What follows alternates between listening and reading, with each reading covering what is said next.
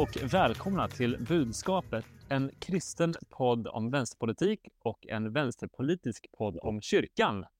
Det här är inte bara en podd för personer som är vänster och kristna, utan också en podd för dig som är vänster utan att vara kristen eller kristen utan att vara vänster. Vi som gör den här podden tillsammans heter Erik, Elin. och Henrik. Ja, och Henrik, vi heter ju Budskapet Podcast och vad är ditt budskap idag? Mitt budskap idag är att kyrkan måste hålla hårdare i korset än i fanan. Kärnfullt Mm. uttryck. Mm. Mm. Mm. Ni Jag får gillar det. protestera, men inte förrän jag har pratat klart. Eh, temat för dagen är ju alltså fascism. Eh, och varför då? Jo, för att det är viktigt att ha koll på fascismen. Dels är fascismen farlig och dels så finns ju den här kampanjen just nu eh, att fascism ska reduceras till en förolämpning och något som man bara smetar på sin motståndare när man inte har några argument. Eh, och det är ju ett problem i en tid av vad jag menar då är växande fascism, där det snarare är en väldigt adekvat analys av partier, företrädare, politik. Eh, och därför är det väldigt viktigt att vi som individer och vi som kyrka bottnar i vår analys. För annars så kommer vi dras med i det som faktiskt är fascism. Och vi kommer inte vilja kalla det för det, för att vi vill inte eh, dras med i och bli, hävda att vi bara förolämpar varandra. Så jag kommer faktiskt börja med lite god folkbildning kring vad, vad fascism är för någonting, hur vi känner igen det och vad det har för förtecken och sådär. Sen kommer jag prata lite om varför det här är särskilt viktigt för kyrkan att ha koll på. Eh, och sen så tänkte jag att vi diskuterar lite tillsammans och då kan ni säga att ni tycker att jag har fel. Det vore ju spännande med Mm. spänst i samtalet. Ehm, så fascismen då, det är ju en ganska hal ideologi och den är liksom svår att fånga och definiera för den har inte uppkommit ur filosofi och liksom tankar om hur man skapar det bästa samhället som typ liberalismen, socialismen eller marxismen kommer utifrån. Utan den, alltså, den moderna fascismen formulerades liksom utifrån vad Mussolini var emot. Det är därför den också kallas för anti-ideologi. Liksom. Ehm, så, så dels är det det, det finns liksom inte den här tydliga liksom nedskrivna, det här är fascismen och sådär. Eh, och sen har ju också, sen cirka 1946 så har fascismen haft ett ganska stort PR-problem. Eh, så det ligger liksom i fascisternas intresse att hålla sig svårdefinierbara och hålla. Eh, man, stäng, man vill hävda att man står för andra saker då liksom. Eh, och det skapar en utmaning menar jag för kyrkan och även andra aktörer och partier och människor som borde vara antifascister. Men så saknar man analys och därför dras man med och så börjar man samarbeta med fascisterna utan att man kanske förstår vad man gör. Eh, man vill ju för allt i världen inte bli kallad fascist, men, eh, eller fascist, så då vill man gärna inte lyssna på att det kanske är det man håller på med. Så vi behöver ha koll på vad fascismen är och vad den inte är för att inte råka bli medlöpare. Då. Så en redogörelse för vad står fascisterna för? Hur känner man igen dem? Uh, och det här att den är, är hal, det har forskare liksom i alla tider upplevt varit svårt. Man började försöka definiera det här på 70-talet. När man försökte förstå vad hände egentligen under andra världskriget? Vad, vad stå, stod de här personerna för egentligen? Och hur ser vi till att det aldrig händer igen? Det har ju varit liksom taglinen för alla antifascister i princip i modern tid. Eh, och det man gjorde då, man, det man började göra var att liksom, typ skapa checklistor utifrån attribut som man hade sett i, i, i Italien och i, i, i Nazityskland. Eh, man kollade liksom så här, har de uniformer? Har de en stark ledare? Använder de särskilda symboler? Bla, bla, bla. Eh, och så här, antingen är man då fascist eller så är man inte det beroende på om man lever upp till det. Det som är svårt med en sån approach, det är att det är ganska enkelt för fascister att inte ha den typen av attribut. Alltså, man kan ta av sig uniformen då och så är man inte längre fascist. Liksom. Eh, så även fast det är svårt så måste man försöka få fatt i ideologin och i narrativet eller i berättelsen som fascisterna sprider. För då kan man börja känna igen fascismen bortanför attributen och, och då kan man också hitta bättre verktyg för att få tag i sin egna antifascistiska analys. Eh, så den första delen i det fascistiska narrativet eller den fascistiska berättelsen om nutiden handlar om att någonting har degenererat, något har gått ner sig, något har blivit förstört. Alltså om man hänvisar till den mytologiska storhetstiden som numera har försvunnit. Alltså där Mussolini hänvisade till romarriket som Italiens storhetstid och Hitler lyfte fram den ariska rasen som ett ideal och nu är det, nu är det förstört. Så man har den här storhetstiden som man pekar på har funnits men inte finns längre. Eh, nästa steg är att man lyfter fram väldigt tydliga syndabockar som har orsakat förfallet. Alltså där Mussolini attackerar socialister, liberaler, feminister, anarkister, hbtq-personer, romer, fackföreningsanslutna, intellektuella och så vidare. Uh, det var det han menade hade orsakat Roms förfall. Och Hitler attackerar förstås judar, hbtq-personer, romer, politiskt aktiva, socialister, personer med funktionsvariationer. Uh, och sådär. Så man, man hittar sina syndabocksgrupper och man ställer dem utanför majoriteten, nationen eller, eller folket. Liksom. Så den tredje delen är att man Eh, Eh, man spinner ett narrativ eller en berättelse där, där folket, nationen, vilka det nu är, har blivit utsatta av syndabockarna och därför behöver folket resa sig och man behöver slå tillbaka. Så man bygger den här starka identiteten i gruppen utifrån att de är offer för en attack från de andra. Uh, och attacken är på ett existentiellt plan. Liksom. Och, och därigenom kan man också avhumanisera de här andra. Uh, att den här minoriteten ses som mindre värd att skydda, mindre värd att sörja, ska ha mindre rättigheter. Den hamnar utanför samhället, utanför gruppen och, och räknas inte längre till de som ska skyddas av samhället, av majoriteten.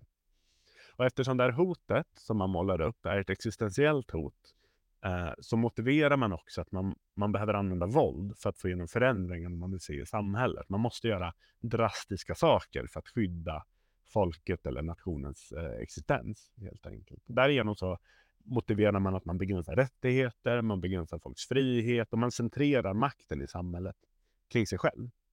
Och det är både förstås för de som ses som hotet, minoriteten, men även för nationen, för majoriteten, så begränsas ju också friheter och rättigheter, alltså organisationsfrihet, demonstrationsfrihet och så vidare. Eh, och fascismens slutmål är förstås att utrota dem som man utmålar som ett hot mot folket och ett hot mot, mot nationen och, och sådär det som är svårt för det här då, kruxet är ju att man bygger hela narrativet, berättelsen på att det finns ett hot mot folket. Och då måste man ständigt uppfinna nya hot hela tiden. Så även den som har upplevt sig som trygg från fascismen kommer till slut att ses som ett hot och också bli utrotad. För fascisterna likställer ju alltid sig själva med nationen eller med folket. Så det är egentligen det som uppfattas som hot mot fascisterna själva är det som då man spinner narrativet att det är ett hot mot nationen och folket. Så sammanfattningsvis då. Man har en berättelse om en storhetstid för folket, en nationen, ett förfall av storhetstiden, syndabockar som ska straffas och ett slutmål att utrota den som ses som ett hot, centrera makten kring sig själv. Och där har vi fascismen. Det är liksom mm. den gemensamma ideologin och berättelsen som, som fascismen bygger på. Och fascisten är förstås den som håller den här berättelsen igång och mm. tycker att det här är bra grejer. Uh, och det här är liksom så som forskare numera definierar fascism, även fast den är hal. Då. Uh, och det som är obekvämt då, är att utifrån den här uh, förståelsen och definitionen, då är det ju inte svårt att säga att Sverige, Sverigedemokraterna är fascister och att de följer ju precis den här modellen. Alltså man pratar mm. om att den svenska kulturen och folkhemmet och Sverige är hotat. Man skyller på liksom, invandring i allmänhet, muslimer i synnerhet. Man vill mm. skapa den här berättelsen att svenskarna är utsatta för hot och därför vi behöver gå ut i kamp för att försvara mm. oss. Mm. Um, och man kan se att Sverigedemokraterna vill begränsa våra fri och rättigheter. Dels genom att stärka statens möjlighet att straffa oss och mm. dels genom att begränsa våra möjligheter till organisering genom studiecirklar och, uh, och annat. Så jag menar att det, det är inte så himla det är inte brunsmetning att hävda att Sverigedemokraterna är fascister, för det gör de själva. Liksom. Mm. Um, och man kan också se, tycker jag, tydligt hur de följer modellen att det är flytande vem som är hotet. Alltså för lite, de är, det är dels, ibland så är det ju islam och det är invandring som är det stora hotet, men det är också hbtq-personer, det är feminister, klimataktivister, facken, folkbildning, miljöpartister är också hot mot Sverige och lyfts fram och det är liksom flytande.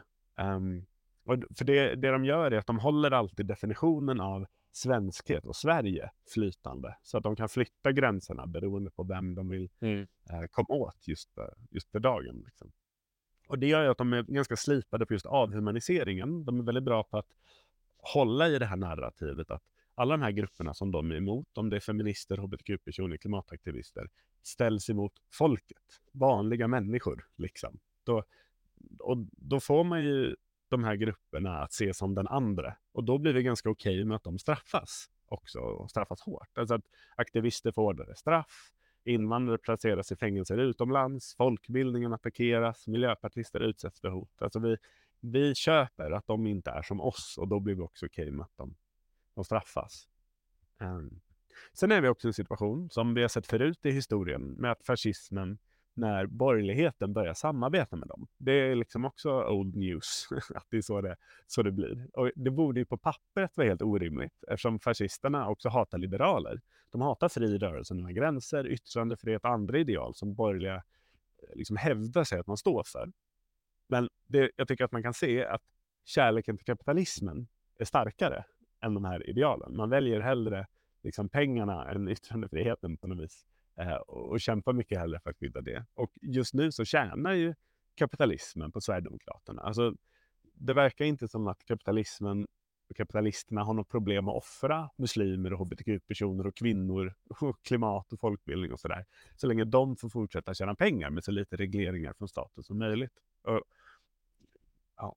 och Tidöpartierna har ju också anammat Sverigedemokraternas människosyn och gått med på narrativet att Sverige, vad det nu är, är hotat av de andra och att de därför behöver tryckas ner. Och jag tänker att utifrån det här så kan man också förstå liksom dagens politiska landskap och också var borgerligheten i Sverige finns idag. Liksom. Att man behöver förstå att det här maktövertagandet har gått ganska så långt, mycket längre än vad vi tror. Liksom. Uh, och det behöver vi ha, ha med oss. Och vi behöver också ha med att, att svenskt näringsliv och kapitalet och Timbro har liksom har blivit fascister, eller i alla fall är fine med fascism, så länge, länge de kan fortsätta föra fram de tycker och tänker och vill. Uh, det mm. tror jag att vi behöver fejsa. Så kyrkan då? Hur kommer kyrkan in i det här? Och varför behöver vi bry oss överhuvudtaget? Uh, jo, och det är inte så svårt tycker inte jag. Jo, för att om kyrkan inte är alerta och vi inte vaktar på vår egen antifascistiska analys så kommer vi att bli fascisternas nyttoidioter och medskapare till ett fascistiskt samhälle. Och det vore ju tråkigt. Och jag tycker att kyrkan rimligen borde ha andra ambitioner och andra ideal. Det har vi sett att det har hänt historiskt och det är där det finns en risk även idag. Uh, eh, för kyrkan är en särskild riskzon för det här. Och vissa delar av kyrkan mer än andra, men i alla fall. För det första då.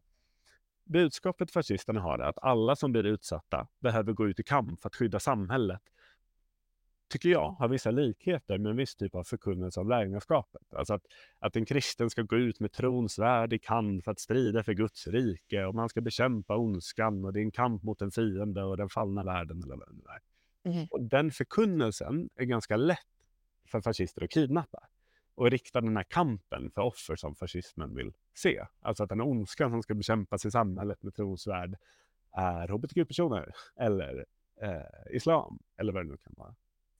Uh, och det här känner jag att man ändå behöver säga att det finns ju en ganska rimligt stor del av kristenheten som delar syn med fascisterna på vilka personer i samhället som också är oönskade. Det är jätteobekvämt, mm. men det tycker jag nog ändå man behöver säga. Alltså det är ju många kristna, upplever jag, som tycker att det största hotet mot Sverige och kyrkan och framtiden och Gud är hbtq-personer, muslimer, rätten till abort och sådär. Mm. Och då och, och, med det då så köper man så konspirationsteorier och man köper liksom hela narrativet. Det är ju inte så kan, konstigt kanske att kyrkor som präglas av en ganska hård sexualmoralisk konservatism tar emot en politik som bekräftar dem med öppna armar och liksom tycker att det här är ganska göttigt. Liksom. Mm. Uh, och det här tänker jag, och det här är jätteobekvämt, men att den här delen av kyrkan skulle kanske vara ganska fin med ett fascistiskt samhälle egentligen, så länge de själva fördelar makten det är en obekväm sanning som jag tycker ändå är ganska rimlig att, att lyfta fram och peka på. Och sen finns det en tredje risk, och det är kanske den största risken i den, den bredare kyrkan. Uh, för kyrkan står ju alltid i en spänning att vilja bli mer lojala med staten och nationen än, än Guds rike. Alltså att vi är måna om att ses som respektabla aktörer i samhället av makten. Och vi är mer intresserade av det än att värna den svaga och utsatta. Och det gör att vi i värsta fall tystnar om det vi ser. Vi anammar andra perspektiv. Sakta men säkert så köper vi narrativet om att vissa människor är mindre värda än andra. Uh, och vi har ju varit inne på det tidigare, att kyrkan har köpt världens bild av hur en redigt kristen människa ser ut, när det likställs med ett medelklassideal, att det är liksom samma, samma sak som sägs på något vis. Så vi har ju också många gånger köpt eh, kapitalismens bild av förändring i samhället genom ändrade konsumtionsmönster och så. Um, så det finns ju fog att vi anammar samhällets ideal på något vis. Men och en radikal kyrka blir ju obekväm för staten. Och vi gillar ju inte att vara obekväma, helt enkelt. Så om staten blir fascistisk så riskerar också kyrkan att vi anammar fascistiska ideal.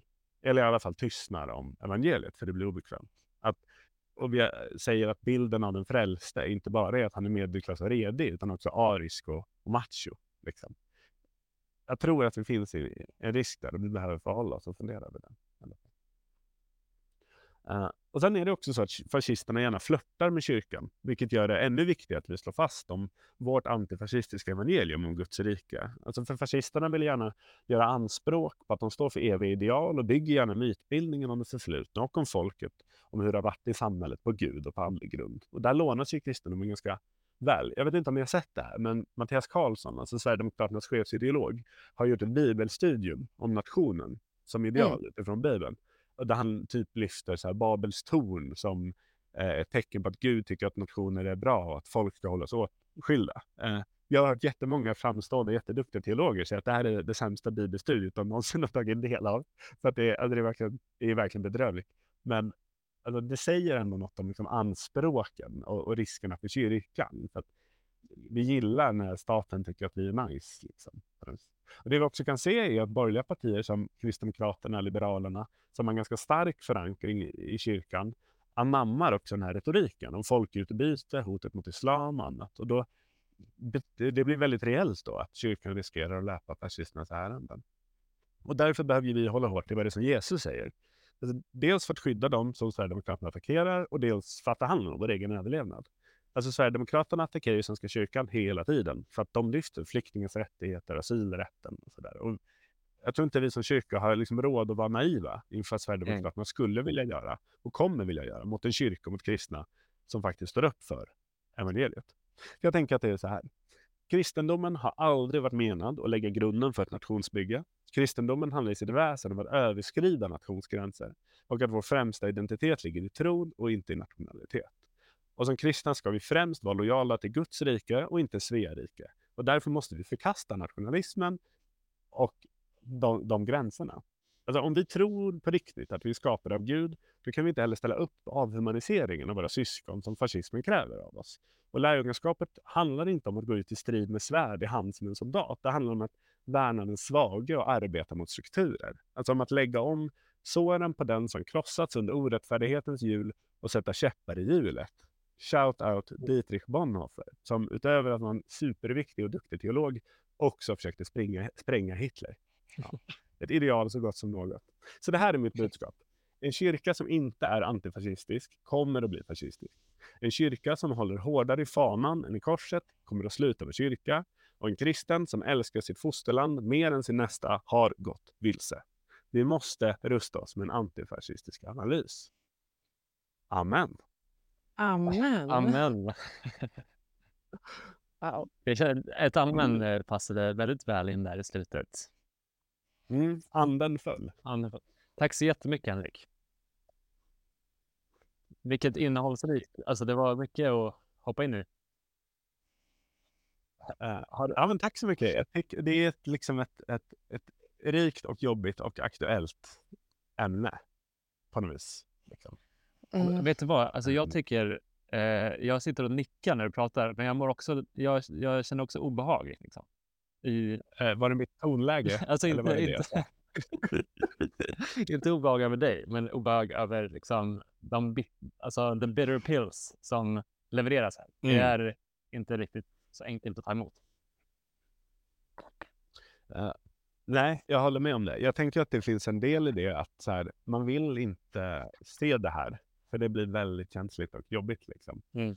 Um, och sådär. Och det, det, men det blir också, tycker jag, svårare och svårare att möta liksom kristna som är väldigt lojala mot Kristdemokraterna och Liberalerna. Uh, för att de har uppenbarligen gått med på fascism. liksom. Mm. Mm. Ja, men och som du säger Henrik, så finns det ju en massa saker i eh, viss kristen tro och tradition som, som går ganska väl ihop med fascismen. Så det är kanske inte heller så konstigt att vi har förvirrade syskon som, som är lojala med mm. Kristdemokraterna och Liberalerna och Sverigedemokraterna. Nej, precis. Men frågan är liksom hur, hur möter man dem? Alltså, handlar det om att vara liksom, obekväm? Eller handlar det om att liksom, respektera dem för det? Eller liksom vad? Men nu kanske jag eh, går händelserna i förväg och hamnar i ett annat tema. Men du har redan nämnt det här lite implicit, Henrik, men jag tänker att man kan lyfta fram det kanske. Att eh, jag tänkte när du, när du pratade om att eh, fascismen skapar en bild av att det finns vanligt folk och så finns det de andra som är ett hot mot det vanliga folket. Jag tänkte, okej, okay, men vilka, vilka tror vi är eh, den vanliga församlingsmedlemmen eller den vanliga mm. kristna? Eh, och det fick mig också att tänka på vilka är det vi, eller vilka är det du Henrik talar till när du säger vi gillar att eh, vara omtyckta av staten eller vi mm. gillar att eh, uppfattas som rekorderliga. Och, mm. eh, eh, det här är ju en, en eh, viss typ av kristna. Mm. Eller hur?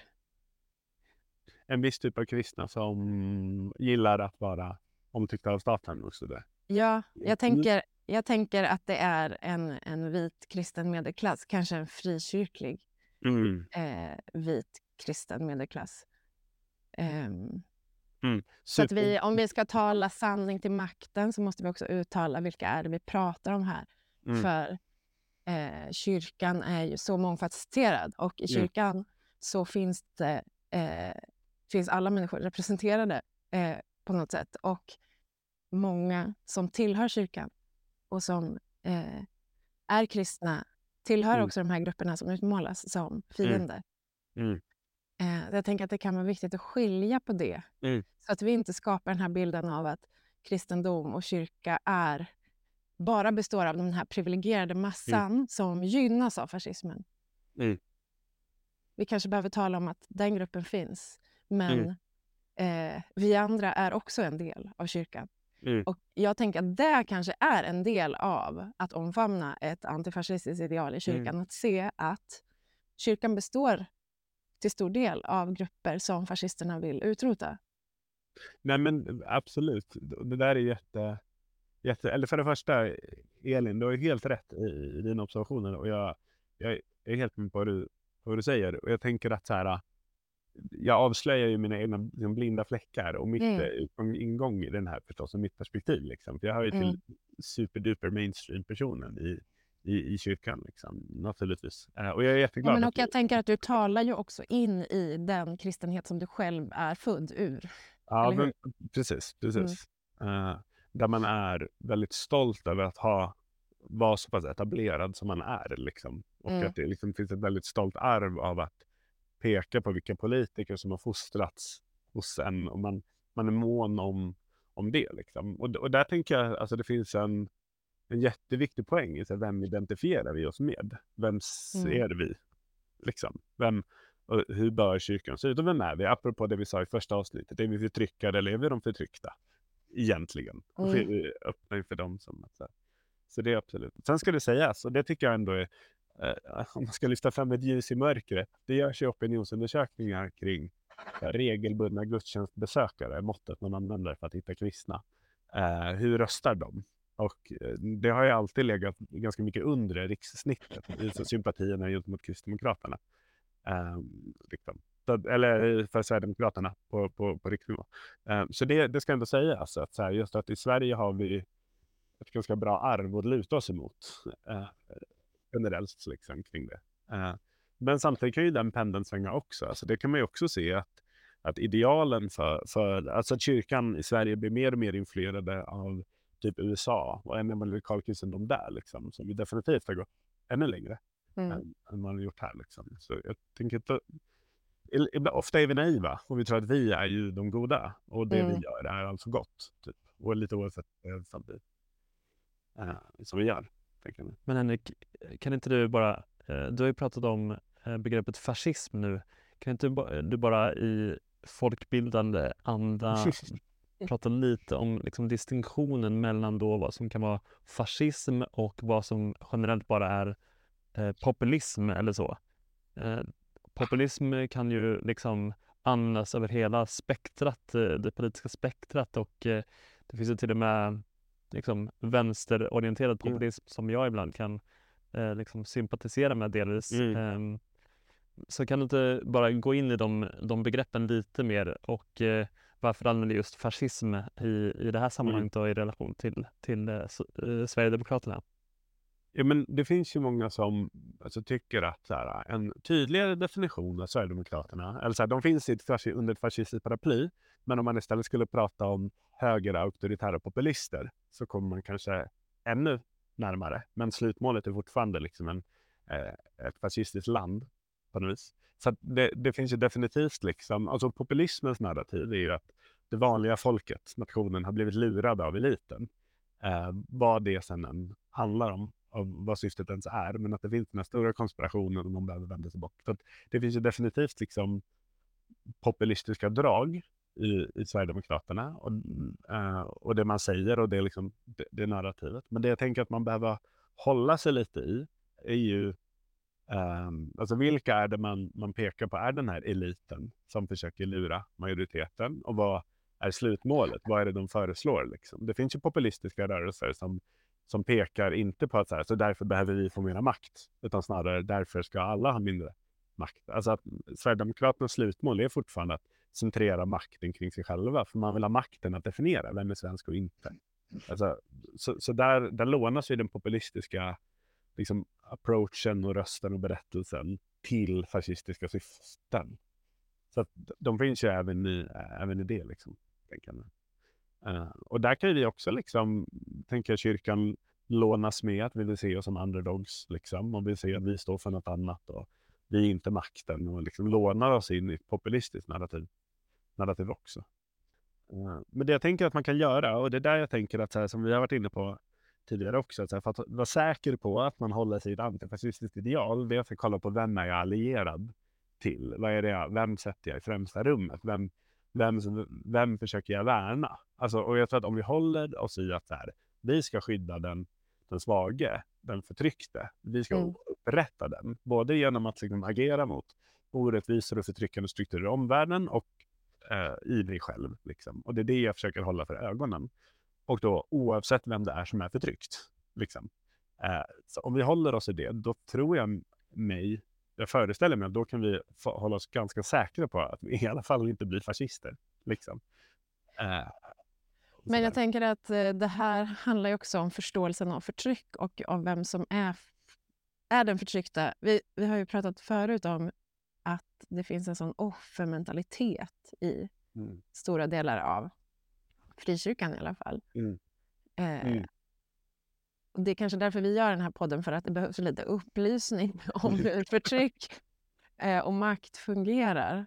Mm. Eh, jag tänker att man behöver lämna den där offerrollen och mm. börja se att det är inte eh, konservativa kristna som vill bevara äktenskapet och liknande som är de mest utsatta i, eh, i det här landet, utan Mm. Eh, det är helt andra grupper.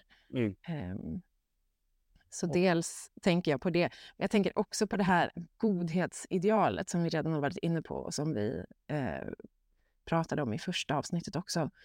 Att eh, många kristna vill vara goda eh, och, och är kanske liksom, eh, antirasister för att de vill vara goda. Men med den här godhetslängtan eh, så kommer det också någon, någon slags oförmåga att kritisera eh, strukturer och mm. kritisera rasister. Och, alltså det är någon slags godhet som spiller över och blir någon slags allmän mjäkighet. Mm. Och som också går hand i hand med en rädsla för att vara politisk. Mm. Mm. För att eh, eh, stora delar av kyrkan bär på den här föreställningen om att mm. religion och politik inte hör ihop. Och därför kan inte kyrkan vara politisk, eller därför kan inte mm. kristna vara politiska. Um, jag var på en uh, föreläsning uh, i helgen i ett kristet sammanhang där uh, en av talarna talade om frikyrkans antirasistiska historia. Och det tycker jag absolut är en historia som behöver lyftas fram. För det vi hör om eh, frikyrkan och det som de mest högljudda eh, företrädarna för kristenheten i Sverige, de lyfter ju fram eh, kyrkans eh, fascistiska eh, ideologi historia. Just nu mm. i alla fall. Så jag, jag tyckte det var fint att få höra en motberättelse. Samtidigt så tyckte jag att det blev lite väl så här, ja, vi är så goda, vi bär på det här arvet. Eh, och då kom det också en fråga från publiken om eh, hur, mm. hur är man antirasist utan att bli politisk eftersom vi inte vill vara politiska. Jag tänker, det, men det går inte. Nej, nej, det är politiskt att vara antirasist och det är politiskt att vara antifascist och kyrkan nej. måste våga vara politisk mm. och kristna måste våga vara politiska. Eh, och våra försök att inte vara politiska är också politiska. Mm. Eh, mm. men ja, i den tid vi så blir försöket att inte vara politisk, det blir eh, fascism till slut. Ja. Mm. Nej, men, och det är det jag tänker, liksom, som lyfter fram, det är det jag tycker att Dietrich Bonhoeffer är så intressant. Liksom. För att han är ju väldigt framhävd nu, men han, mm. alltså i Nazityskland, hans kyrka var ju förbjuden. Han var ju mm. förbjuden, mm. han blev ju dödad ja. liksom. För ja. att mainstreamkyrkan mm. försökte vara neutrala och blev nazister liksom. Mm. Eh, att det finns liksom en oerhörd naivitet liksom. Och, och man vill gärna hålla i det här, men vi ska ju inte behöva vara liksom, vi, ska, vi upplever jag, att mainstreamkyrkan väldigt gärna vill att man ska kunna prata med fascister och prata dem till rätta. Att vi mm. tror på samtalet så himla mycket, vilket mm. jag inte gör i relation till fascister. Liksom. Det enda vi gör är att vi ger dem en plattform. Liksom. Mm. För att vi är naiva och saknar vår egen analys. Men det, det, som jag tänker på med tanke på det är liksom att eh, det finns en eh, kanske en generell bild av så här, okej, okay, alla, okej, säger ni att alla är fascister nu helt plötsligt? Men det som mm. du säger när det kommer till att, så här, alltså, att man kanske inte kan prata fascistiskt rätta är väl att eh, fascister då har tagit eh, ledarrollen i att definiera problem och lösningar just nu i samhället. Mm. In point Sverigedemokraterna. Och att den, eh, eh, att den rörelsen är så stark så att det har liksom sipprat ut längre, alltså liksom utifrån den, det centrumet till liksom, närliggande politiska eh, rörelser och då längre och längre bort. Eh, så, mm. där, så man, man behöver inte säga liksom att KD och M och eh, Liberalerna, eh, alltså att alla är fascister helt plötsligt, men det liksom har sipprat ut det här tankegodset. Eh, och att, att tyvärr då så har, har eh, ser vi det som, alltså den här att peka ut den andra och göra sig själva till offer har ju liksom eh, då anammats väldigt, väldigt väl av, mm. av KD till exempel. Eh, tyvärr, måste man väl säga.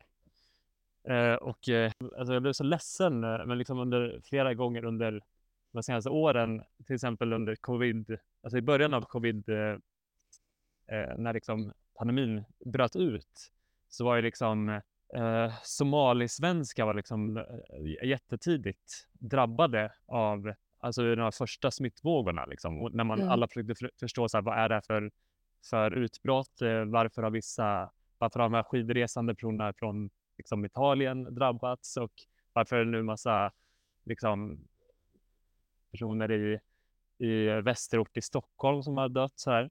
Eller som mm. har blivit sjuka. Och, så här. och då var det just Ebba Busch som var först att säga okej, okay, somalisvenskar har blivit så drabbade av covid för att de inte eh, kan ta åt sig av eh, instruktioner från, från eh, Folkhälsomyndigheten och mm. de lyssnar inte på oss och där, där, mm. Helt utan att prata om massa, massa faktorer som kanske skulle ligga närmare till hands som att eh, liksom människor med lägre inkomster som till exempel bor i högre grad i, i västerort i vissa delar eh, kanske har jobb som man, där man måste vara ute i samhället och inte kan jobba mm. hemifrån. Eh, med mera. Och att det just liksom i flera fall så har det varit KD som varit först med att peka ut eh, offer i alla olika samhällsfrågor. Mm. Eh, det, alltså SD har inte behövt, behövt göra det längre i vissa mm. fall. Mm. Eh, och, och eh, även då i, i samband med de här koranbränning, alltså upploppen kring koranbränningar mm. så har KD varit först ut och SD har bara kunnat sitta och titta på.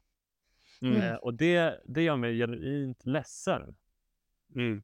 Um, och det tror jag att många andra också är. Mm. Uh, och men... ändå hör vi inte, alltså jag skulle vilja se så här, en större mängd kristna säga vi lämnar det här partiet. Mm. Uh, för det här är inte vad vi gick med på. Nej. Mm.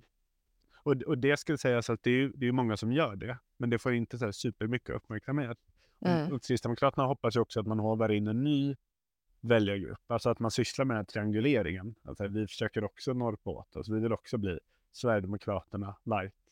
På mm. vis. Men när man gör det, då säger man ju, ja men SD hade rätt. Och då är det klart att alla vill ha originalet. Varför skulle man köpa mm. Ja. Och, och eh, case in point av vad du sa Elin med att eh, göra sig själva till offer så, så vänder ju eh, delar av frikyrkan alltså diskussionen om koranbränningar kring hur, varför pratar vi inte mer om, om hur kristna är utsatta för diskriminering? Mm. Eh, alltså efter att eh, Ebba Busch pratade om att muslimer borde vända andra, andra kinden till. Eh, och mm. det är liksom, eh, alltså det är så himla upprörande och, och då är det så här, varför ska, varför ska ni göra allting till en fråga om er själva? Kan vi inte liksom acceptera att, eh, att eh, de här liksom bröderna och systrarna som har liksom folk som bränner deras heliga skrift utanför deras dörr. Kan, kan det inte handla om dem just nu? Kan vi inte mm. prata om deras mm. utsatthet? Mm. Eh, men det räckte inte, eh, tyvärr. Nej, men, och det som blir så löjligt, bara kort just kring den här offergrejen, är att här, det Ebba Busch lyfter fram är ju liksom en Grotesco-sketch för 12 år sedan, liksom, som ett exempel.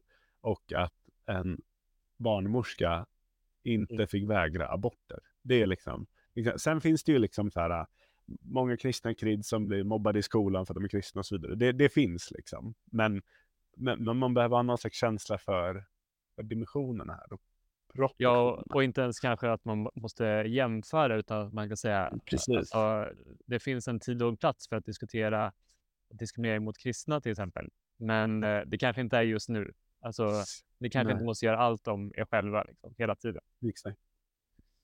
Sen, sen, vill jag lyfta en grej om, om begreppet antifascist just. Och spaning jag har gjort, att många tvekar inför att identifiera sig som det. För att man upplever det som så väldigt laddat. Eh, mm. och det menar jag är ett resultat av att man har köpt den här avhumaniseringspropagandan av antifascister. Eh, liksom. Mm. Alltså att så här, AFA lyfts fram som någon slags här märklig dunkel organisation med jättemycket makt som bara slåss och förstör och styr samhället i, i, i smyg. Liksom. Mm. Uh, och, och, jag kan bli så här, uh, men ni fattar väl att det här är ett resultat av propaganda? Att, att antifascister lyfts fram som så här supervåldsamma i paritet med nationella motståndsrörelsen. Liksom. Att mm. där. Så jag tänker att här, kyrkan, det vore så fint om vi gick i bräschen för att reclaima begreppet. Nu sa jag också reclaim och var man med på 90-talet är det också laddat the streets. Men du förstår min poäng liksom. Att så här, det, det, jag tycker inte man ska skämmas över att säga att man är antifascist. Det, det är en mm. ganska rimlig hållning. Liksom. Mm. Men eftersom kyrkan vill vara så snäll och vänlig och mm. opolitisk så blir det ju jättesvårt att säga eh, att man är någonting mm. när det ordet är så laddat. Precis. Eh, mm. men, men vi som vågar säga att vi är antifascister ska kanske säga det högre och mm. oftare. Eh, så det blir tydligt att den antifascistiska rörelsen och att vara antifascist, det, det kan innebära så mycket. Mm. Eh, Ja, men exakt. Alltså att, att Ja, det är väldigt mycket av det kyrkan gör som är antifascistiska handlingar. Om vi vågar ge det den tyngden. Tänker mm. Men hörni, vi kanske ska eh, avrunda här. Mm. Och ja. som alltid så, så, så känns det som att vi har fem, fem nya saker att prata om i fem nya avsnitt. Mm. En, och, eh, låt oss göra det i framtiden. Ja, låt, låt oss göra det. Det är väl ja. jätte, jättebra. Vi har lite stoff att, att prata om. Helt mm. Men... Vi kan också säga att här, vi tar ju önskningar. Så följ ja. oss gärna på Budskapet Podcast och kom med era tankar och kommentarer och funderingar som ni vill att vi ska tänka högt kring. Verkligen. Ja, och eh, nämn sånt som vi har pratat om i det här avsnittet som ni gärna vill att vi spinner vidare på i framtiden. Ja, absolut.